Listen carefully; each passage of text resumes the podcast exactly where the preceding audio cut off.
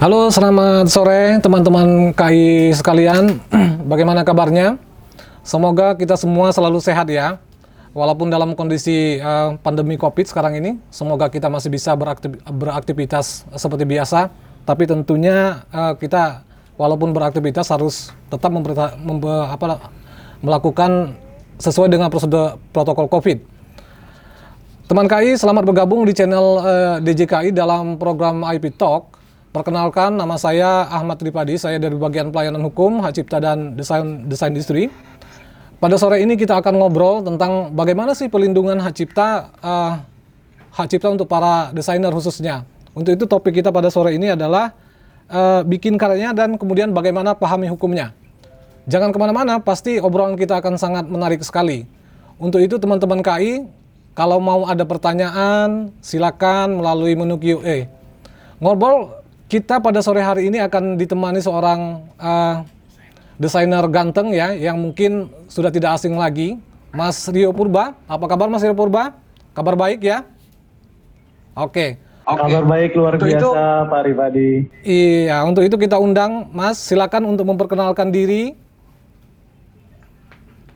Baik, terima kasih Pak Rifadi dan Bapak-bapak teman-teman di DJKI atas kesempatan ini. Kenalkan saya Rio Purba Um, saya keseharian saya adalah sebagai seorang brand designer. Saya punya tim uh, studio desain namanya Yellow Design Studio dan saya juga aktif uh, sharing tentang desain dan freelancing, Pak. Kira-kira bagaimana dunia desain freelancing?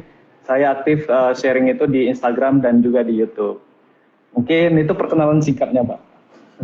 Baik, uh, terima kasih Mas uh, Rio Purba ya. Artinya memang uh, luar biasa ya aktivitasnya banyak ya artinya di samping seorang apa namanya selebgram juga merupakan seorang uh, desainer gitu ya. Nah, Mas Rio, Mas Rio, yang ingin kita ketahui adalah terkait dengan uh, profesi Mas Rio dan kemudian profesi teman-teman sekalian sebagai seorang desa desainer.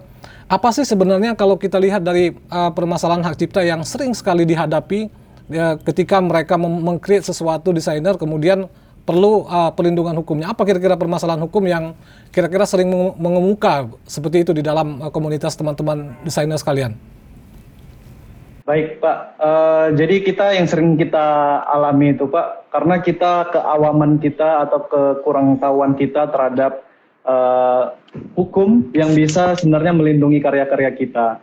Jadi sebenarnya ini eh, selama ini kita sebenarnya buat karya ya buat karya aja, terus langsung share di sosial media, tahu-tahu karya kita itu udah muncul tuh di luar negeri atau di dalam negeri ada brand atau perusahaan yang make gitu. Dan satu sisi kita masih awam sekali dunia hukum. Kalau misalnya ada yang mengambil karya kita, ini kita harus ngapain nih? Kita masih bingung dan nggak tahu sama sekali tentang hal itu, Pak. Gitu. Ini sih yang paling sering terjadi gitu, Pak, di lapangan. Uh, baik, Mas Rio Purba. Sebenarnya kalau kita berbicara tentang uh, karya kita ya, saya akan sedikit sampaikan bahwa memang ketika kita membuat suatu karya itu di dalam satu karya kita itu memang uh, ada kemungkinan banyak eh, aspek-aspek uh, kekayaan intelektual yang sebenarnya bisa uh, bisa dilindungi seperti itu. Jadi kalau kita bicara masalah uh, desain, ya, desainer seperti itu, uh, tentu di situ ada uh, mungkin ketika membuat karya itu uh, ada apa namanya unsur-unsur yang terkait dengan hak cipta yang yang seperti itu yang perlu yang perlu di, dilindungi. Kemudian mungkin saja di dalam uh, desain itu ada katakanlah mungkin ada motif, ada apa namanya warna atau komposisi warna yang semuanya mungkin bisa masuk kepada lingkup perlindungan uh, desain industri. Nah, akan tetapi bisa juga di dalam desain kita itu kita juga menggunakan uh, brand atau kata-kata tertentu yang bisa juga merupakan sebagai merek. Jadi ini memang harus dipahami oleh uh, teman-teman uh, sekalian, teman-teman dari desainer bahwa tidak menutup kemungkinan di dalam karya kita itu ada banyak kekayaan intelektual yang terkandung di dalamnya yang sebenarnya harus kita lindungi. Kira-kira begitu, Mas. Mas Rio Pun. Nah, itu itu itu menarik tuh, Pak, tentang karena Bapak tadi sebut tentang kekayaan intelektual. Ini um, saya udah boleh nanya nih Pak ya. karena agak gatal ya. Jadi uh, karena kita masih awam di dunia ini Pak tentang uh, eh, IP atau kekayaan intelektual. Kira-kira jenis-jenis kekayaan intelektual itu apa aja sih Pak? Dan masing-masing perbedaannya gitu. Ya, baik. Uh, pertama begini Mas Rio, saya akan uh, sampaikan dulu pada prinsipnya kan kalau kekayaan intelektual itu uh, ada yang pertamanya yang pertamanya kita sebut sebagai hak cipta. Mungkin kalau dengan uh, profesi teman-teman desainer mungkin ini agak sedikit akrab ya dengan hak cipta.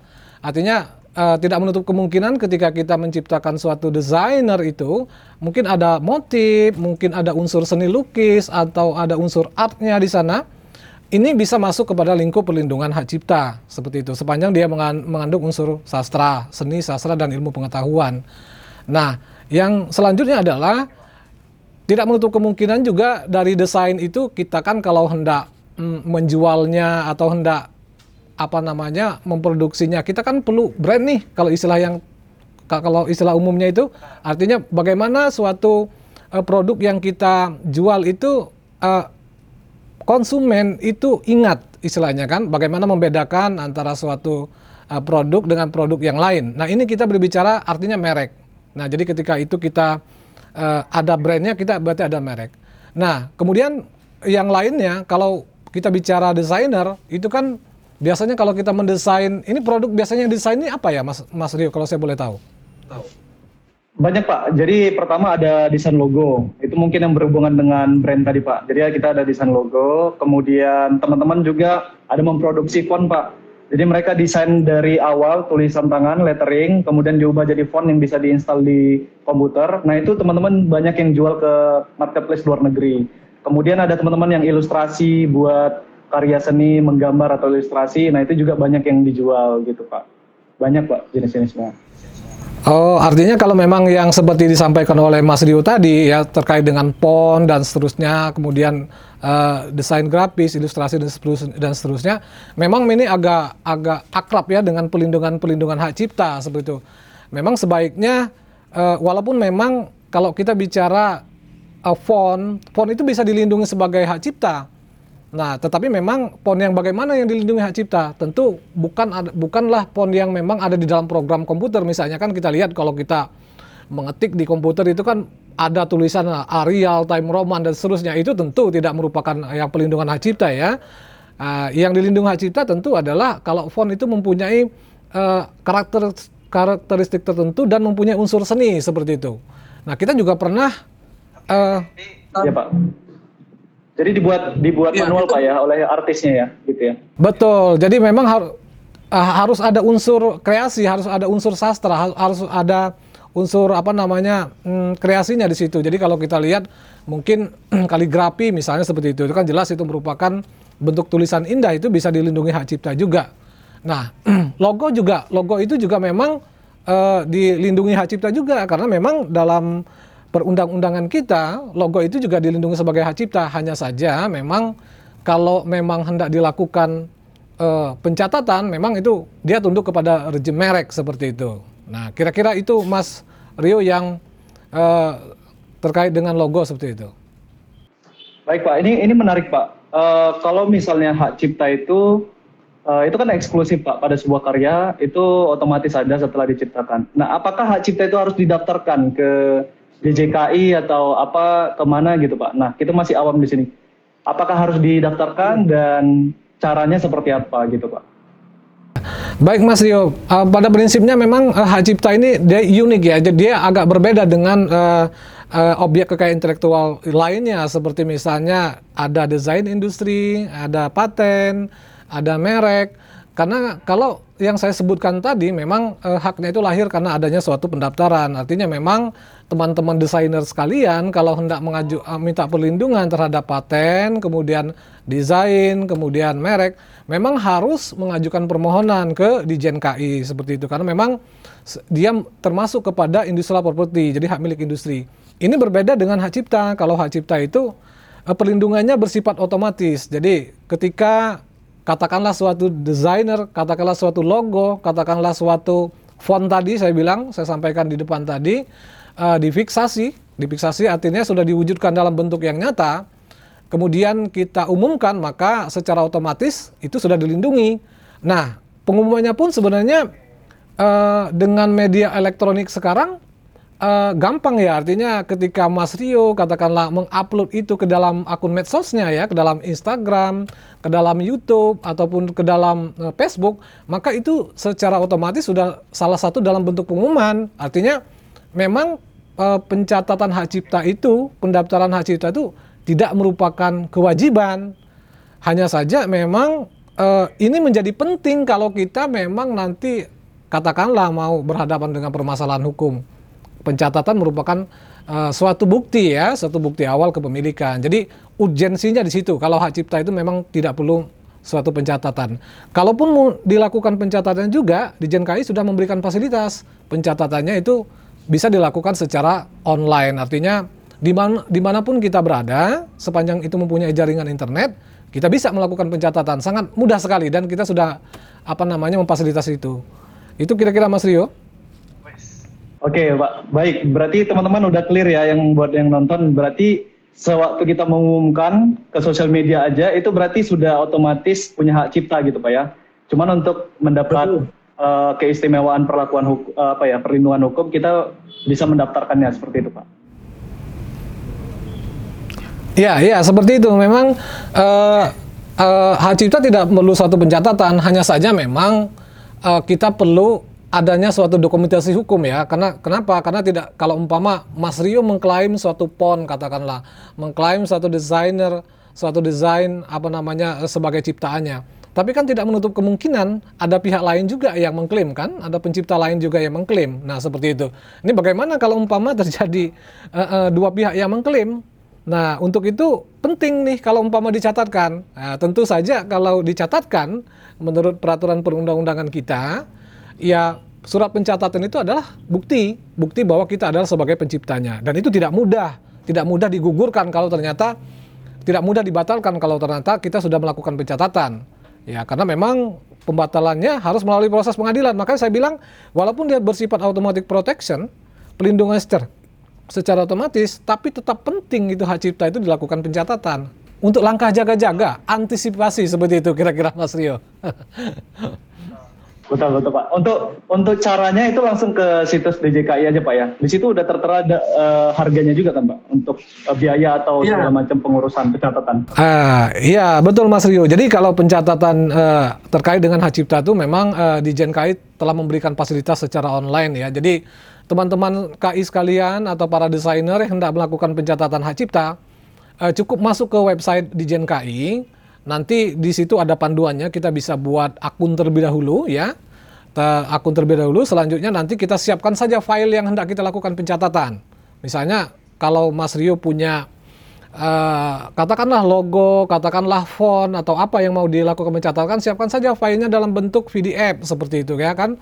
Nah nanti eh, berdasarkan username, user ID itu masuk ke sistem DJ DJKI, filenya tinggal diunggah saja mas, di attach saja, diunggah saja. Selanjutnya di situ akan di, ter- di bawahnya akan tertera tuh pembayaran. Kebetulan pencatatan hak cipta itu kan eh, sekarang di eh, peraturan biaya kita yang ada sekarang itu 400 ribu kalau untuk eh, karya tulis selain daripada program komputer. Kalau program komputer dia menjadi 500 ribu. Kalau font berarti dia kan lain daripada program komputer ya, jadi dia 400 ribu. Nah kira kira-kira begitu mas. Jadi eh, one day service lah kita satu hari surat pencatatan bisa kita selesaikan sepanjang memang tidak ada masalah-masalah seperti itu. Kira-kira begitu Mas Rio. Siap siap siap siap. Terus gini Pak, eh, misalnya nih kita udah udah melakukan pencatatan pendaftaran mengenai hak cipta karya kita. Nah, apakah ini berlaku hanya di Indonesia aja atau bisa apa ya masa eh, berlakunya itu bisa sampai ke luar negeri atau internasional gitu Pak? Nah, iya. Jadi itu Ma- Mas Rio, teman-teman KI sekalian begitu ya. Memang eh, hak cipta itu saya sampaikan di depan tadi memang ada perbedaan dengan eh, objek kekayaan intelektual yang lainnya, misalnya eh, merek, desain industri dan eh, paten dan seterusnya. Karena kalau umpama merek, misalnya desain, misalnya paten, itu memang pelindungannya bersifat teritorial. Dia dilindungi di mana di negara yang didaftarkan. Sebagai contoh, kalau umpama didaftarkan di Indonesia, ya, dia hanya dilindungi di Indonesia. Dia tidak mengcover pelindungan merek itu misalnya di Singapura. Tidak, tidak. Itu kalau umpama eh, paten dan seterusnya. Tapi kalau untuk hak cipta, nah ini istimewanya hak cipta ya. Hak cipta itu pelindungnya bersifat ekstratorial. Jadi kalau umpama sudah difiksasi di Indonesia, apalagi dicatatkan di Indonesia, maka hak cipta itu dilindungi juga di negara-negara lain, misalnya di Malaysia, di Singapura. Sepanjang memang negara-negara uh, yang kita tuju itu merupakan anggota dari uh, konvensi pelindungan internasional di bidang hak cipta. Jadi di sini ada namanya Bern Convention. Atau kalaupun negara itu uh, tidak anggota Bond Convention, tapi dia punya perjanjian timbal balik perlindungan hak cipta di Indonesia. Jadi pelindungannya ekstratorial. Nah, jadi sangat gampang sekali ini. Maka teman-teman KI kalau ada hak cipta, silakan itu dilakukan pencatatan kerjaan KI. Begitu Mas Rio. Oke, oke mantap mantap Pak. Mantap Pak. Oke, uh, pertanyaan selanjutnya nih Pak. Uh, ada nggak kriteria apa apa ya atau aturan untuk menggunakan karya orang lain di dalam karya kita gitu supaya aman nih nggak nggak kena copyright apa ini ya isu dan sebagainya gitu. Nah, ini yang sangat menarik ya di era digital sekarang, apalagi kalau kita berbicara masalah ini banyak nih teman-teman eh, KI mungkin yang membuat konten, katakanlah seperti itu dari konten itu kemudian diunggah ke YouTube ya, dan tidak tertutup kemungkinan uh, sebagian dari konten kita itu sebenarnya secara tanpa kita sadar di situ ada milik orang lain seperti itu. Bagaimana nih kalau terjadi seperti itu? Pertama harus kita perhatikan bahwa uh, kalau kita hendak membuat suatu hak cipta itu, kalau itu kita menggunakan sebagian ciptaan orang lain, kita perlu yang namanya memberikan kredit title seperti itu. Artinya uh, di situ ada hak moral, ya, hak moral. Artinya kita harus mencantumkan tuh itu itu milik siapa, itu sumbernya punya siapa, itu kita mengambilnya dari mana tuh, ya kan? Nah ini ini yang kadang-kadang dalam dunia digital sekarang kita suka lupa seperti itu kan. Kita main ambil saja, kita lupa tuh mencantumkan penciptanya. Tiba-tiba ketika kita upload katakanlah di medsos gitu ya kan, dia menjadi apa namanya uh, booming dan mendapatkan memberikan keuntungan kepada uh, orang yang mengupload itu pencipta yang sebenarnya komplain kan seperti itu. Jadi langkah pertama adalah kalau kita mengambil karya orang lain ya, kita harus uh, cantumkan sumbernya, harus kulon kita harus izin dulu mas gitu ya kita bisa beritahukan kepada penciptanya melalui direct, eh, direct message gitu kan, melalui WhatsApp bahwa ah saya pakai pergunakan karya orang lain seperti itu. Jadi ada kewajiban kita, etika kita untuk minta izin. Minta izin kepada penciptanya dan kita cantumkan sumbernya dari mana seperti itu, Mas. Itu langkah-langkah apa namanya yang harus kita lakukan, ya.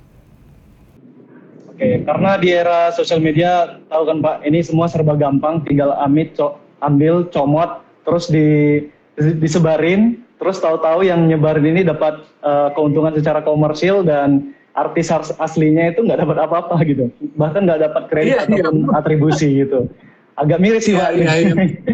berarti berarti kalau misalnya ada yang melanggar hal tersebut bisa kita report gitu pak ya atau bisa kita uh, klaim atau kontak langsung gitu ya Iya betul. Jadi memang bisa kita uh, report seperti itu. Tapi maksud saya begini, Mas Aryo, kalaupun memang uh, katakanlah orang yang uh, mengambil sebagian atau uh, se apa sebagian karya kita itu kemudian dia mengupload di YouTube uh, di akun media sosialnya kemudian pada tingkatan tertentu uh, mungkin saja penguploadernya itu mendapatkan keuntungan sebaiknya memang harus kita beritahukan dulu bahwa anda itu harus izin ke saya nih anda itu melanggar seperti itu. Karena memang uh, kalau dalam prinsip hukum hak cipta itu kan kalau kita berbicara penegakan hukum dia tidak serta merta seperti itu ya tidak serta merta. Ya jadi memang harus melalui proses uh, pengaduan dulu ya. Harus harus proses mediasi dulu. Nah kalau kalau umpama yang melanggar itu misalnya uh, website atau apa pun juga bisa melakukan pengaduan secara online ya kepada uh, webnya DJKI webnya pengaduan pengaduan.dgip.go.id seperti itu. Jadi uh, penegakan hukumnya tidak ujuk-ujuk nih harus kita kasih tahu dulu karena memang ada proses mediasi kalau dalam terminologi undang-undang seperti itu. Oke, siap, siap Pak. Lengkap nih detailnya Pak. Terus ini kita balik ke logo Pak. Uh, ada nggak kriteria tertentu bahwa ini logo A ini uh, apa ya plagiat melakukan plagiarisme terhadap logo B gitu. Sampai mana sih batasannya gitu? Ada nggak ketentuan-ketentuan seperti itu Pak? Uh, jadi kalau kita untuk melihat bagaimana sih kita melihat uh, bahwa suatu ciptaan orang lain itu mengambil bagian dari ciptaan uh, uh, orang lain. Bagaimana uh, kemiripan antara satu ciptaan dengan ciptaan orang lain itu? Memang di dalam ketentuan Undang-Undang Hak Cipta uh, hanya disebutkan begini bahwa dia itu uh, tidak boleh mengambil sebagian-bagian substansial dari ciptaan orang lain. Nah, kalau kita hendak melihat tingkat kemiripan dalam suatu ciptaan, itu memang uh, kita ketahui Mas Rio ya bahwa ciptaan-ciptaan itu banyak macam-macam ya. Ada lagu, ada buku, ya kan, ada film, ada dan seterusnya. Melihat tingkat kemiripannya itu terhadap semua jenis ciptaan itu agak berbeda-beda seperti itu Mas Rio. Kalau kita bicara lagu ya, mungkin dalam uh, teman-teman musisi praktek kita bisa lihat bahwa 8 bar itu adalah mungkin ini sama ya seperti itu kan. Tapi kalau dalam uh -uh, seperti itu kan bilang sama ya. Tapi kalau dalam bidang lukisan beda lagi begitu kan. Kalau bidang buku beda lagi. Artinya memang uh, ukurannya adalah kalau dia mempunyai uh, persamaan substansial dengan ciptaan orang lain. Tapi terhadap semua jenis-jenis ciptaan itu berbeda. Kita nggak bisa lihat. Kalau umpama kembali kepada konteks pon misalnya ya, bentuk huruf ya, bentuk penuh huruf Nah, bagaimana melihat bahwa ini adalah sebagian ciptaan orang lain? Memang harus kita lihat dari visual. Kita lihat secara visual. Oh, ini sama seperti itu. Nah, kita bisa lihat ya dari visual kita begitu kan. Kalau lagu tentu kita bisa melihat tingkat kesamaannya tentu dari listening ya, dari pendengaran kita. Oh, kalau umpama misalnya begini. Kita mendengar lagunya eh, apa namanya? lagunya Wonderful Tonight misalnya seperti ya. Kan intro pertamanya kita langsung tahu, oh ini adalah lagunya Wonderful Tonight misalnya walaupun mungkin belakangnya beda begitu kan. Nah, ini kira-kira contoh kesamaan substansial. Kalau buku kalau buku uh, mungkin saja judulnya berbeda tetapi kita membaca oh kok ini sepertinya buku ini alur cerita setting tokohnya ya kan seperti itu kok sama dengan buku ini gitu ya buku yang pernah kita baca. Itulah kira-kira cara kita menilai uh, suatu ciptaan itu ada persamaan-persamaan atau uh, persamaan substansial, substansial tadi. Kira-kira begitu Mas Rio. Berarti perlu adanya perbandingan secara langsung Pak ya. Misalnya di desain logo A, desain logo B langsung dilihat secara visual, kira-kira dibandingkan secara langsung apakah ini terlihat identik uh, atau tidak seperti itu Pak ya. Iya, betul. Jadi memang kalau kita bicara logo, berarti kan memang itu kita bicara tampilan visual. Memang harus kita uh, perbandingkan secara uh, otentik. Tetapi maksud saya begini, kalau umpama kita bicara yang dipermasalahkan itu seni lukis ya, memang ada pakarnya yang bisa menilai itu. Tentu misalnya para um, para apa namanya uh, kurator ya, mungkin apa apa istilahnya itu kan, itu bisa mereka memberikan penilaian bahwa lukisan ini merupakan plagiarisme dari lukisan yang yang lain sebelumnya. Artinya uh, kita menilai tingkat persamaan itu memang uh, harus kita serahkan kepada ahlinya, kepada uh, ahli memang menggeluti bidang itu seperti itu. Jadi memang kita nggak uh, kita nggak bisa apa namanya uh, semata-mata menilai seperti itu. Undang-undang hanya memberikan clue saja.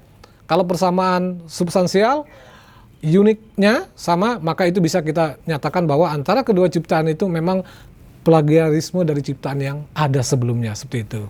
Siap, siap, siap, mantap Pak. Kemudian Pak, ini tetap masih tentang logo logo juga Pak. Ada nggak logo database yang bisa kita akses secara publik gitu? Yang bisa kita akses dan lihat eh, logo-logo ini sudah didaftarkan nih hak ciptanya gitu. Sehingga kita yang desainer logo ketika pengen buat karya baru, desain logo baru, kita bisa melihat, memastikan dulu. Oh ternyata desain logo yang mau aku buat ini ternyata sudah ada ini yang daftarkan gitu. Kira-kira di situs DJKI ada nggak Pak di platformnya?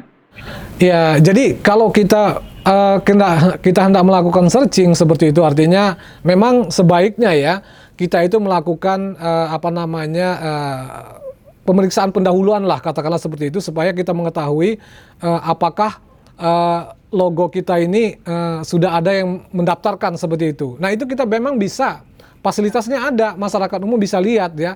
Itu kepada uh, aplikasi namanya uh, PDKI ya. Uh, PDKI uh, underscore indonesia.go dgip.go.id artinya bisa kita melakukan uh, pengecekan di situ untuk melihat apakah memang uh, logo atau brand yang hendak kita daftarkan ini sudah ada orang yang uh, lebih duluan daripada kita. Karena kalau memang ternyata uh, lebih duluan ada pihak yang mendaftarkan kemudian kalau kita bicara merek misalnya kan uh, kita mendaftarkan merek Nike katakanlah untuk pakaian misalnya seperti itu ya kan. Ketika kita cek di dalam aplikasi PDKI-nya uh, di JNKI sudah ada, maka itu sebaiknya memang kita harus berpikir untuk membuat merek yang lain begitu kak. Kalau kita bicara merek ya, kalau bicara logo seperti itu, ya sebaiknya kita harus menciptakan logo yang lain, yang unik, yang original, yang berbeda dengan logo yang sebelumnya, sehingga itu kita bisa kita daftarkan seperti itu. Artinya fasilitas itu ada, Mas Rio di di JNKI seperti itu. Oke, siap Pak, siap, mantap. Jadi kita desainer teman-teman desainer logo nggak khawatir lagi, udah udah bisa tidur tenang, udah bisa ngecek ya nanti teman-teman langsung aja.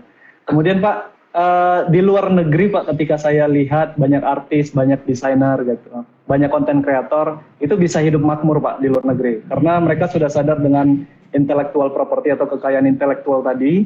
Kemudian walaupun mereka tidak bekerja, mereka tetap bisa hidup dari karya-karya yang mereka sudah sebarkan di internet dan banyak dipakai oleh uh, perusahaan-perusahaan atau brand-brand di luar negeri. Nah, kalau di Indonesia menurut pandangan Bapak seperti apa? Apakah kita nih desainer atau kreator atau pelaku seni bisa hidup seperti itu nggak Pak? bisa hidup, hidup makmur nggak seperti teman-teman di luar negeri? Iya, iya. Kalau di luar negeri itu mungkin seni itu sudah merupakan satu profesi ya jadi desainer, kemudian konten kreator, kemudian youtuber itu bisa sudah menjadikan satu profesi. Artinya uh, secara finansial kehidupan mereka memang bisa itu dipenuhi kebutuhan sehari-harinya dari itu. Nah kalau di Indonesia ini, uh, menurut hemat saya juga itu bisa karena memang uh, ada ada banyak tuh uh, namanya youtuber-youtuber yang katakanlah yang terkenal di kita ya, ya konten-konten kreator yang terkenal di kita yang sebenarnya bisa bisa apa namanya uh, hidup lah dari dari karya-karyanya itu. Hanya saja memang uh, saya pikir memang di Indonesia ini memang kita perlu lah ya, perlu meningkatkan apa namanya uh, kesadaran ya, kesadaran para pekerja seni juga khususnya, para desainer juga khususnya. Artinya mereka juga harus aware gitu loh, aware kalau mereka itu punya hak seperti itu. Karena memang kalau kita bicara uh, hak kekayaan intelektual, kita itu sebagai pemilik uh, KI itu memang dituntut aktif ya, aktif untuk apa namanya uh, melakukan monitor lah, monitoring terhadap uh, karya kita apakah ada orang lain yang melakukan uh, penggunaan atau tidak. Karena kalau umpama kita tidak tidak melakukan apa namanya uh, monitoring, tidak melakukan aktif mengawasi penggunaan penggunaan karya kita ya nanti karya kita akan rawan dibajak atau plagiat. Ya. Kalau mama itu dibajak tentu kita kan akan kehilangan keuntungan seperti itu ya kan kira-kira begitu Mas Rio. Betul Pak, betul betul. Baik, uh, mungkin ini jadi uh, apa ya? Uh, satu masukan kepada kita teman-teman desainer, kita harus lebih aware kepada karya-karya kita, jangan cuma di-share aja di sosial media ya udah habis itu udah gitu kan. Ternyata ketika dipakai oleh orang lain kita tahu-tahu kita komplain atau bingung segala macamnya. Mungkin kalau di dunia musik itu ada yang namanya publisher, Pak. Dia yang mereka ini publisher ini yang mengurusi tentang kalau ada pelanggaran hak cipta, jadi artisnya udah bisa fokus bekerja gitu kan dan publisher ini yang bisa yang mengurusi atau mencari-cari ada, adakah pelanggaran hak cipta uh, terhadap karya-karya desain uh, musisi yang mereka pegang gitu kan. Nah mungkin teman-teman desainer bisa juga nih di komunitas mulai diskusiin uh, atau di asosiasi mungkin ada aji dan lain sebagainya gitu yang mungkin bisa uh, membela hak-haknya desainer nih gitu. Oke Pak yang terakhir nih Pak kita uh, sering sekali menjumpai banyak sebenarnya bukan hanya uh, apa ya masyarakat pada umumnya kita di klien uh, klien-klien kita juga banyak seperti yang yang belum bisa terlalu mengapresiasi karya-karya kita gitu. Banyak yang teman-teman desainer atau teman-teman konten kreator yang masih diberikan apresiasi harga yang jauh di bawah apa ya masih mirip miris lah gitu Pak kita melihatnya. Dan Uh, boleh nggak Pak nanti uh, kalau misalnya topik hak cipta atau intellectual property ini dimasukin ke dalam silabus sekolah atau gimana supaya semakin banyak masyarakat yang bisa aware, bisa peduli atau lebih bisa memberikan apresiasi kepada para pekerja seni dan konten kreator seperti kita kita nih Pak gitu. Memang agak aneh nih Pak ya, bisa dimasukin ke silabus sekolah nggak? saya saya pikir belum ada pak ya. Uh, saya pikir uh, ini gagasan yang bagus ya Mas Rio. Ya artinya saya, kita juga menyambut baik dan saya juga sependapat dengan pendapat Mas Rio itu. Artinya memang kalau kita berbicara masalah kesadaran KI, memang harus kita uh, uh, harus kita bangun dari dari apa namanya dari kanak-kanak lah kan dari usia sekolah seperti harus kita tingkatkan seperti, seperti itu ya kan? Memang tidak ada salahnya juga kita masukkan ke dalam uh, silabus sekolah. Hanya saja memang ini tergantung Kemendiknas ya tapi saya menyambut baik. Nah Mas Rio uh, di samping itu memang uh, saya lihat memang ada beberapa uh, hal urgensi yang ditanyakan oleh teman-teman uh, desainer ya. Misalnya begini Mas Rio, ini kita kita lihat masuk di Instagram kita bahwa eh, bagaimana eh, bahwa harus paham perjanjian kerja dengan kliennya ya. Kemudian eh, apa kewajiban masing-masing? Karena banyak sekali ini misalnya eh, kita diberikan pekerjaan oleh seseorang katakanlah seperti itu ya kan untuk mendesain sesuatu. Nah, ini bagaimana eh, pengaturan hukum hak ciptanya?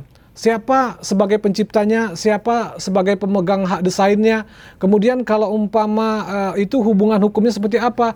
Bagaimana pembayaran eh, royaltinya seperti itu ini bagaimana? Nah, ini ini harus yang yang yang harus kita clearkan.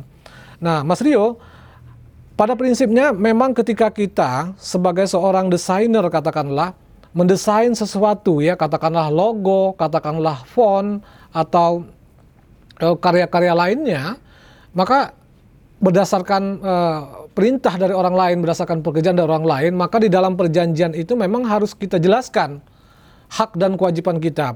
Siapa penciptanya, siapa pemegang hak ciptanya, kemudian bagaimana kalau ternyata dari desain kita itu ada orang lain yang menggunakan, proses perizinannya kepada siapa. Nah itu sebaiknya memang harus dicantumkan di dalam perjanjiannya, karena banyak kita menemukan eh, orang yang diberikan suatu pekerjaan, katakanlah mendesain sesuatu seperti itu yang masuk hak cipta, tetapi tidak jelas perjanjiannya, sehingga itu menjadi dispute.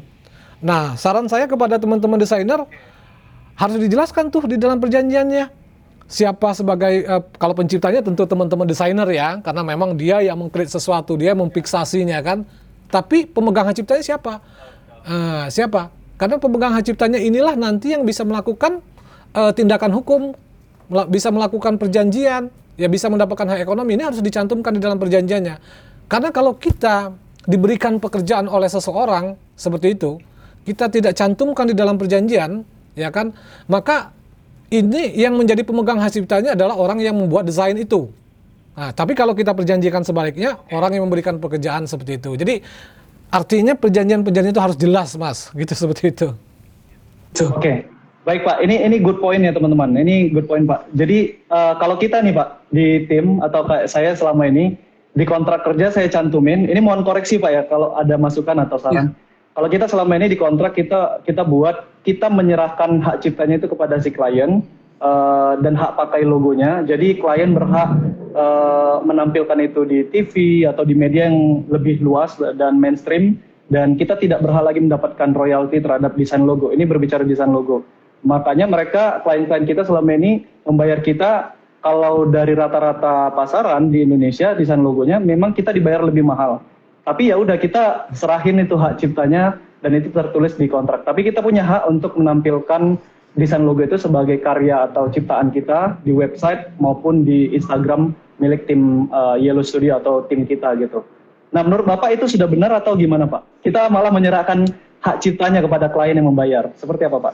Iya, nah ini ini ini Mas Rio, memang di dalam ketentuan saya bicara undang-undang hak cipta ya dalam Undang-Undang Hak Cipta itu ada namanya soul flat ya. Soul flat itu jual putus. Jadi jual putus itu begini, kita seperti Mas Rio sampaikan tadi, kita member, memberikan atau menjual karya itu kepada orang lain dan segala hak ekonominya itu e, milik kepada orang kita jual tersebut. Dan itu jual putus itu tanpa batas waktu. Jadi sangat merugikan sekali desainer.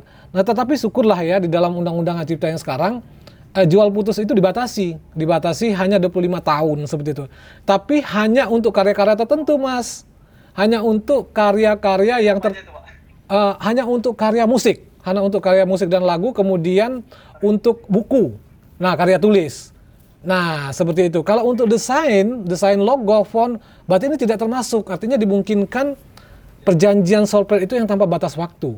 Sehingga saya menyarankan kalau bisa ya kita jangan membuat perjanjian soul plate seperti itu karena tidak tertutup kemungkinan kan uh, logo itu nanti uh, uh, akan panjang akan panjang hak ekonominya yang, yang kita miliki. Bahkan, bahkan brandnya ini bisa jadi 20 tahun kemudian ini jadi brand yang sangat besar. Seharusnya kita bisa mendapatkan royalti seperti itu, Pak ya. Makanya saya bilang seharusnya kita memang harus cantumkan itu, harus cantumkan uh, jangka waktu perjanjiannya. Jangan sampai kita tidak mencantumkan uh, soul plate seperti itu. Nah, ya, selanjutnya begini. Oke oke. Selanjutnya udah, udah, udah, hmm. udah mulai paham nih pak.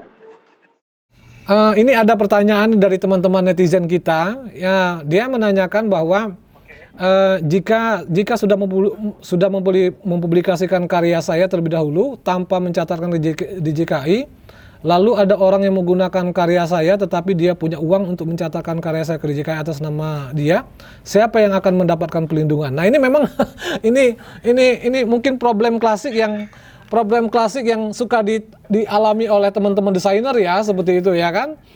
Ya saya bilang tadi Betul, ya saya betul, bilang tadi saya bilang tadi ya memang itu gitu, Mas. Ya.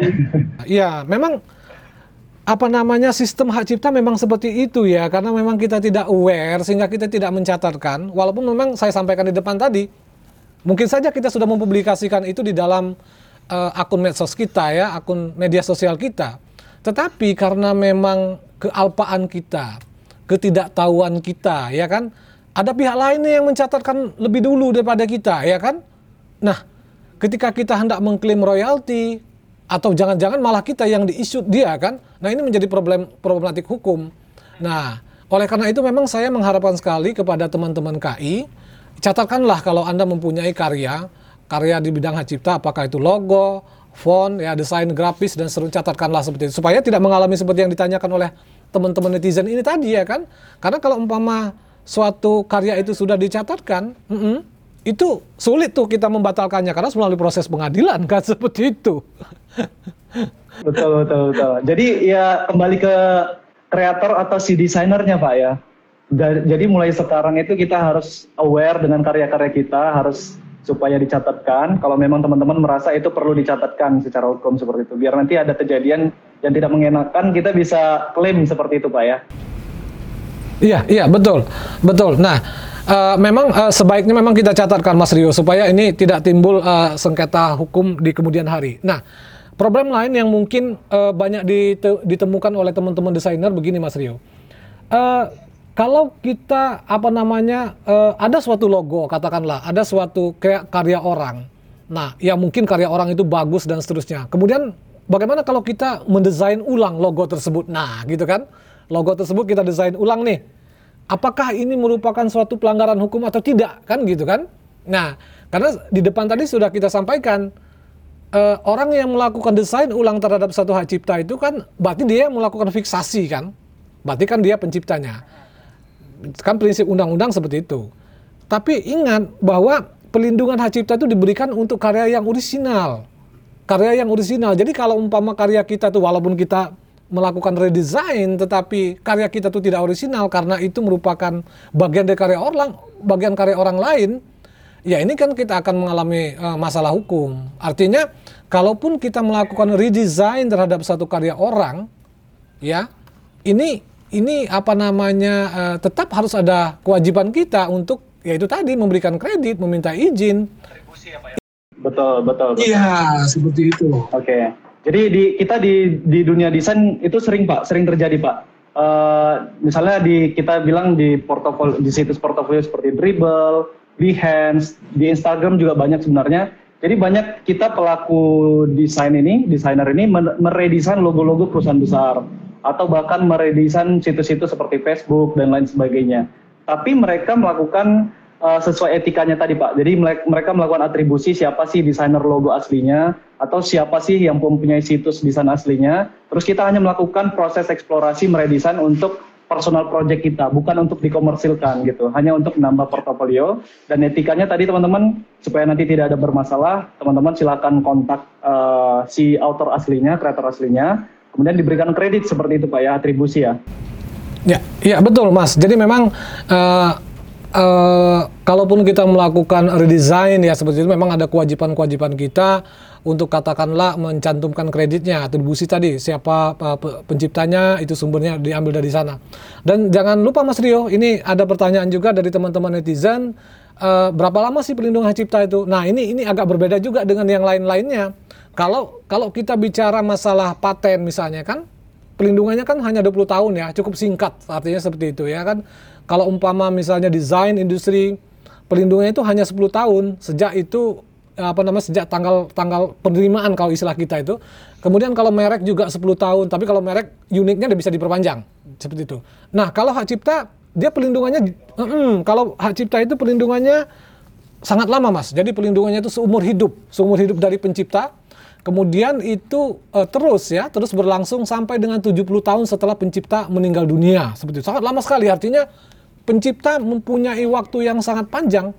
Bahkan ahli warisnya pun bisa eh, mendapatkan manfaat ekonomi dari ciptaannya itu. Nah, tapi ini tergantung ciptaannya loh Mas Rio. Tidak semua ciptaan yang seperti itu yang saya sampaikan tadi. Mm.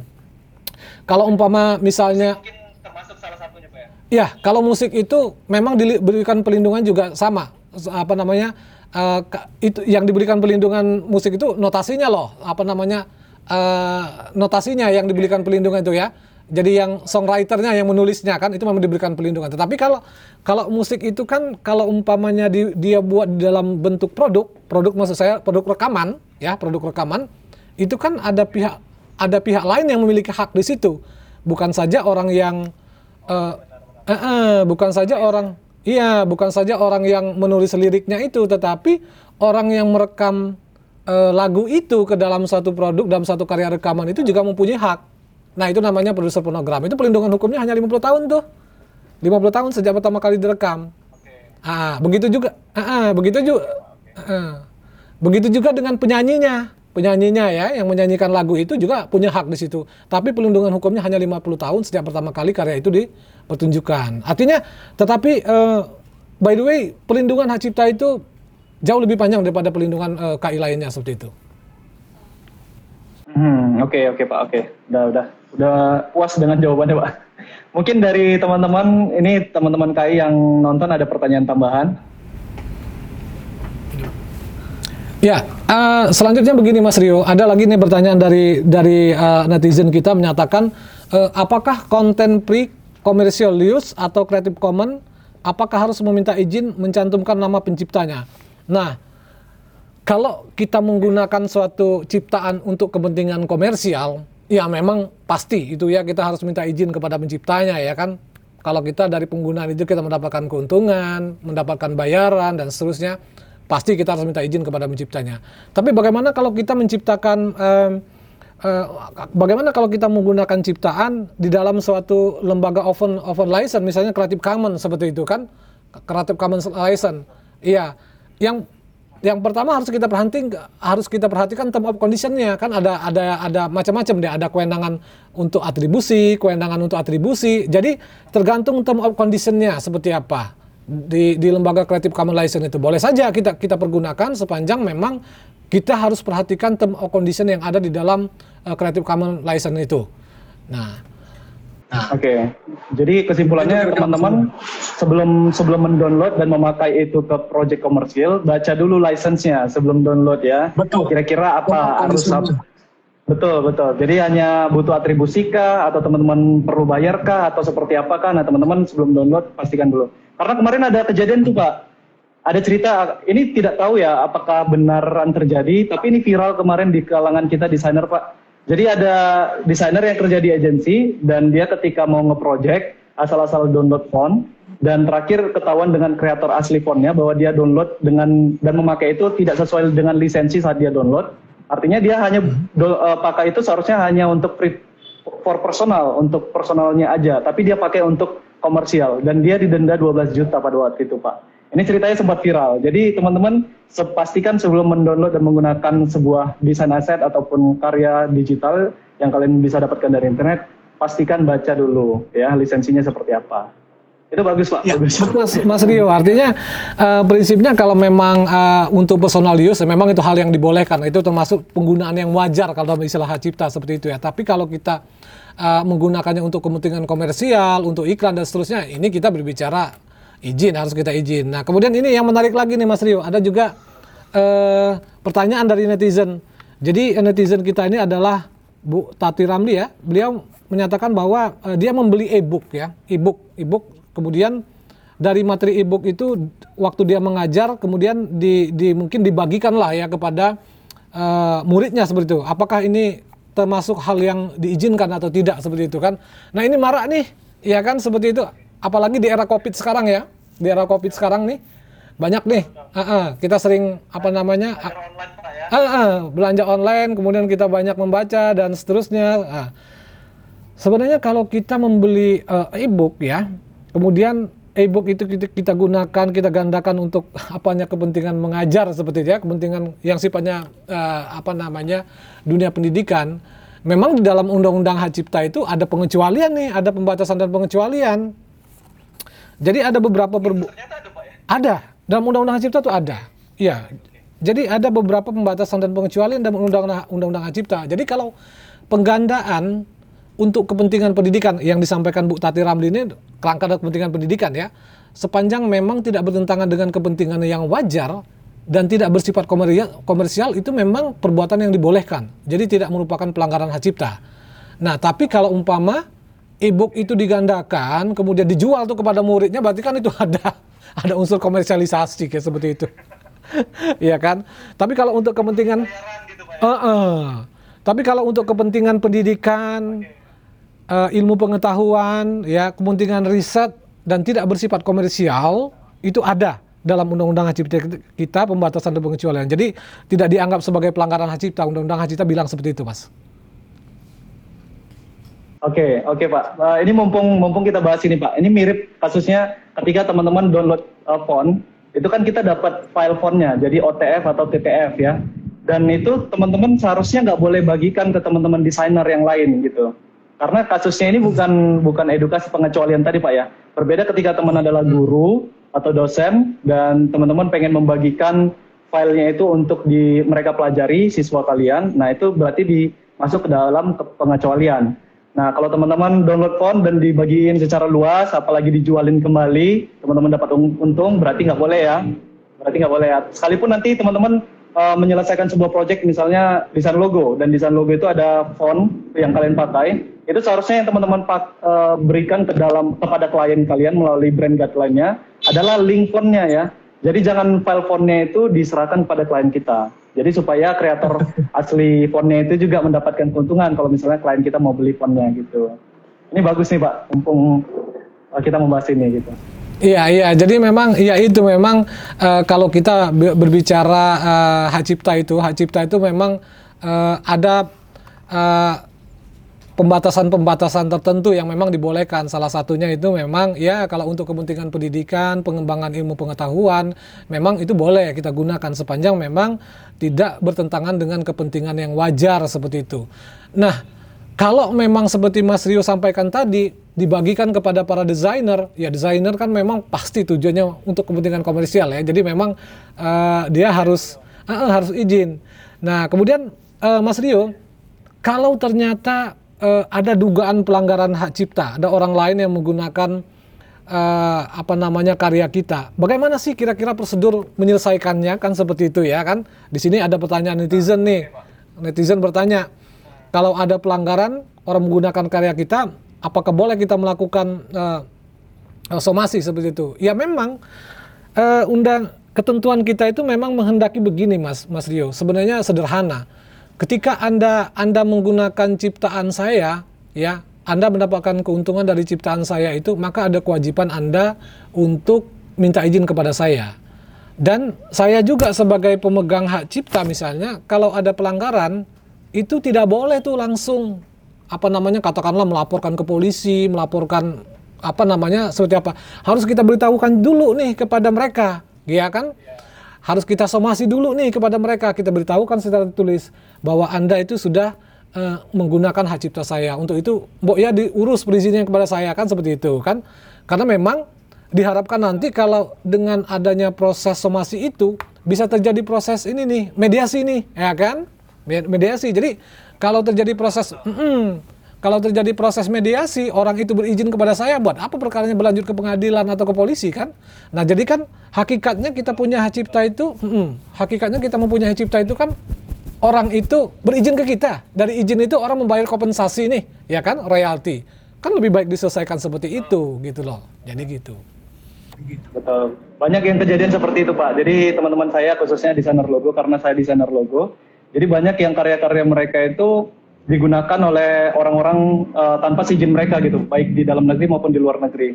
Dan ketika ketahuan dengan kreator aslinya atau desainer logo aslinya, mereka langsung mengontak gitu. Seperti yang Bapak bilang tadi, kita harusnya dulu uh, mengontak mereka dulu menghubungi, ber apa ya mediasi seperti tadi.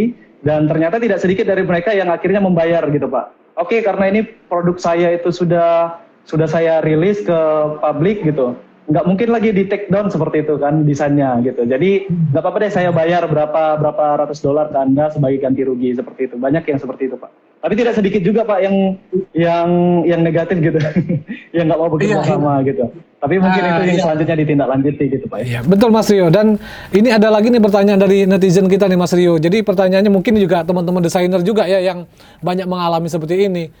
Eh, bagaimana eh, kalau umpama karya kita ya kemudian ditayangkan oleh televisi nih, televisi.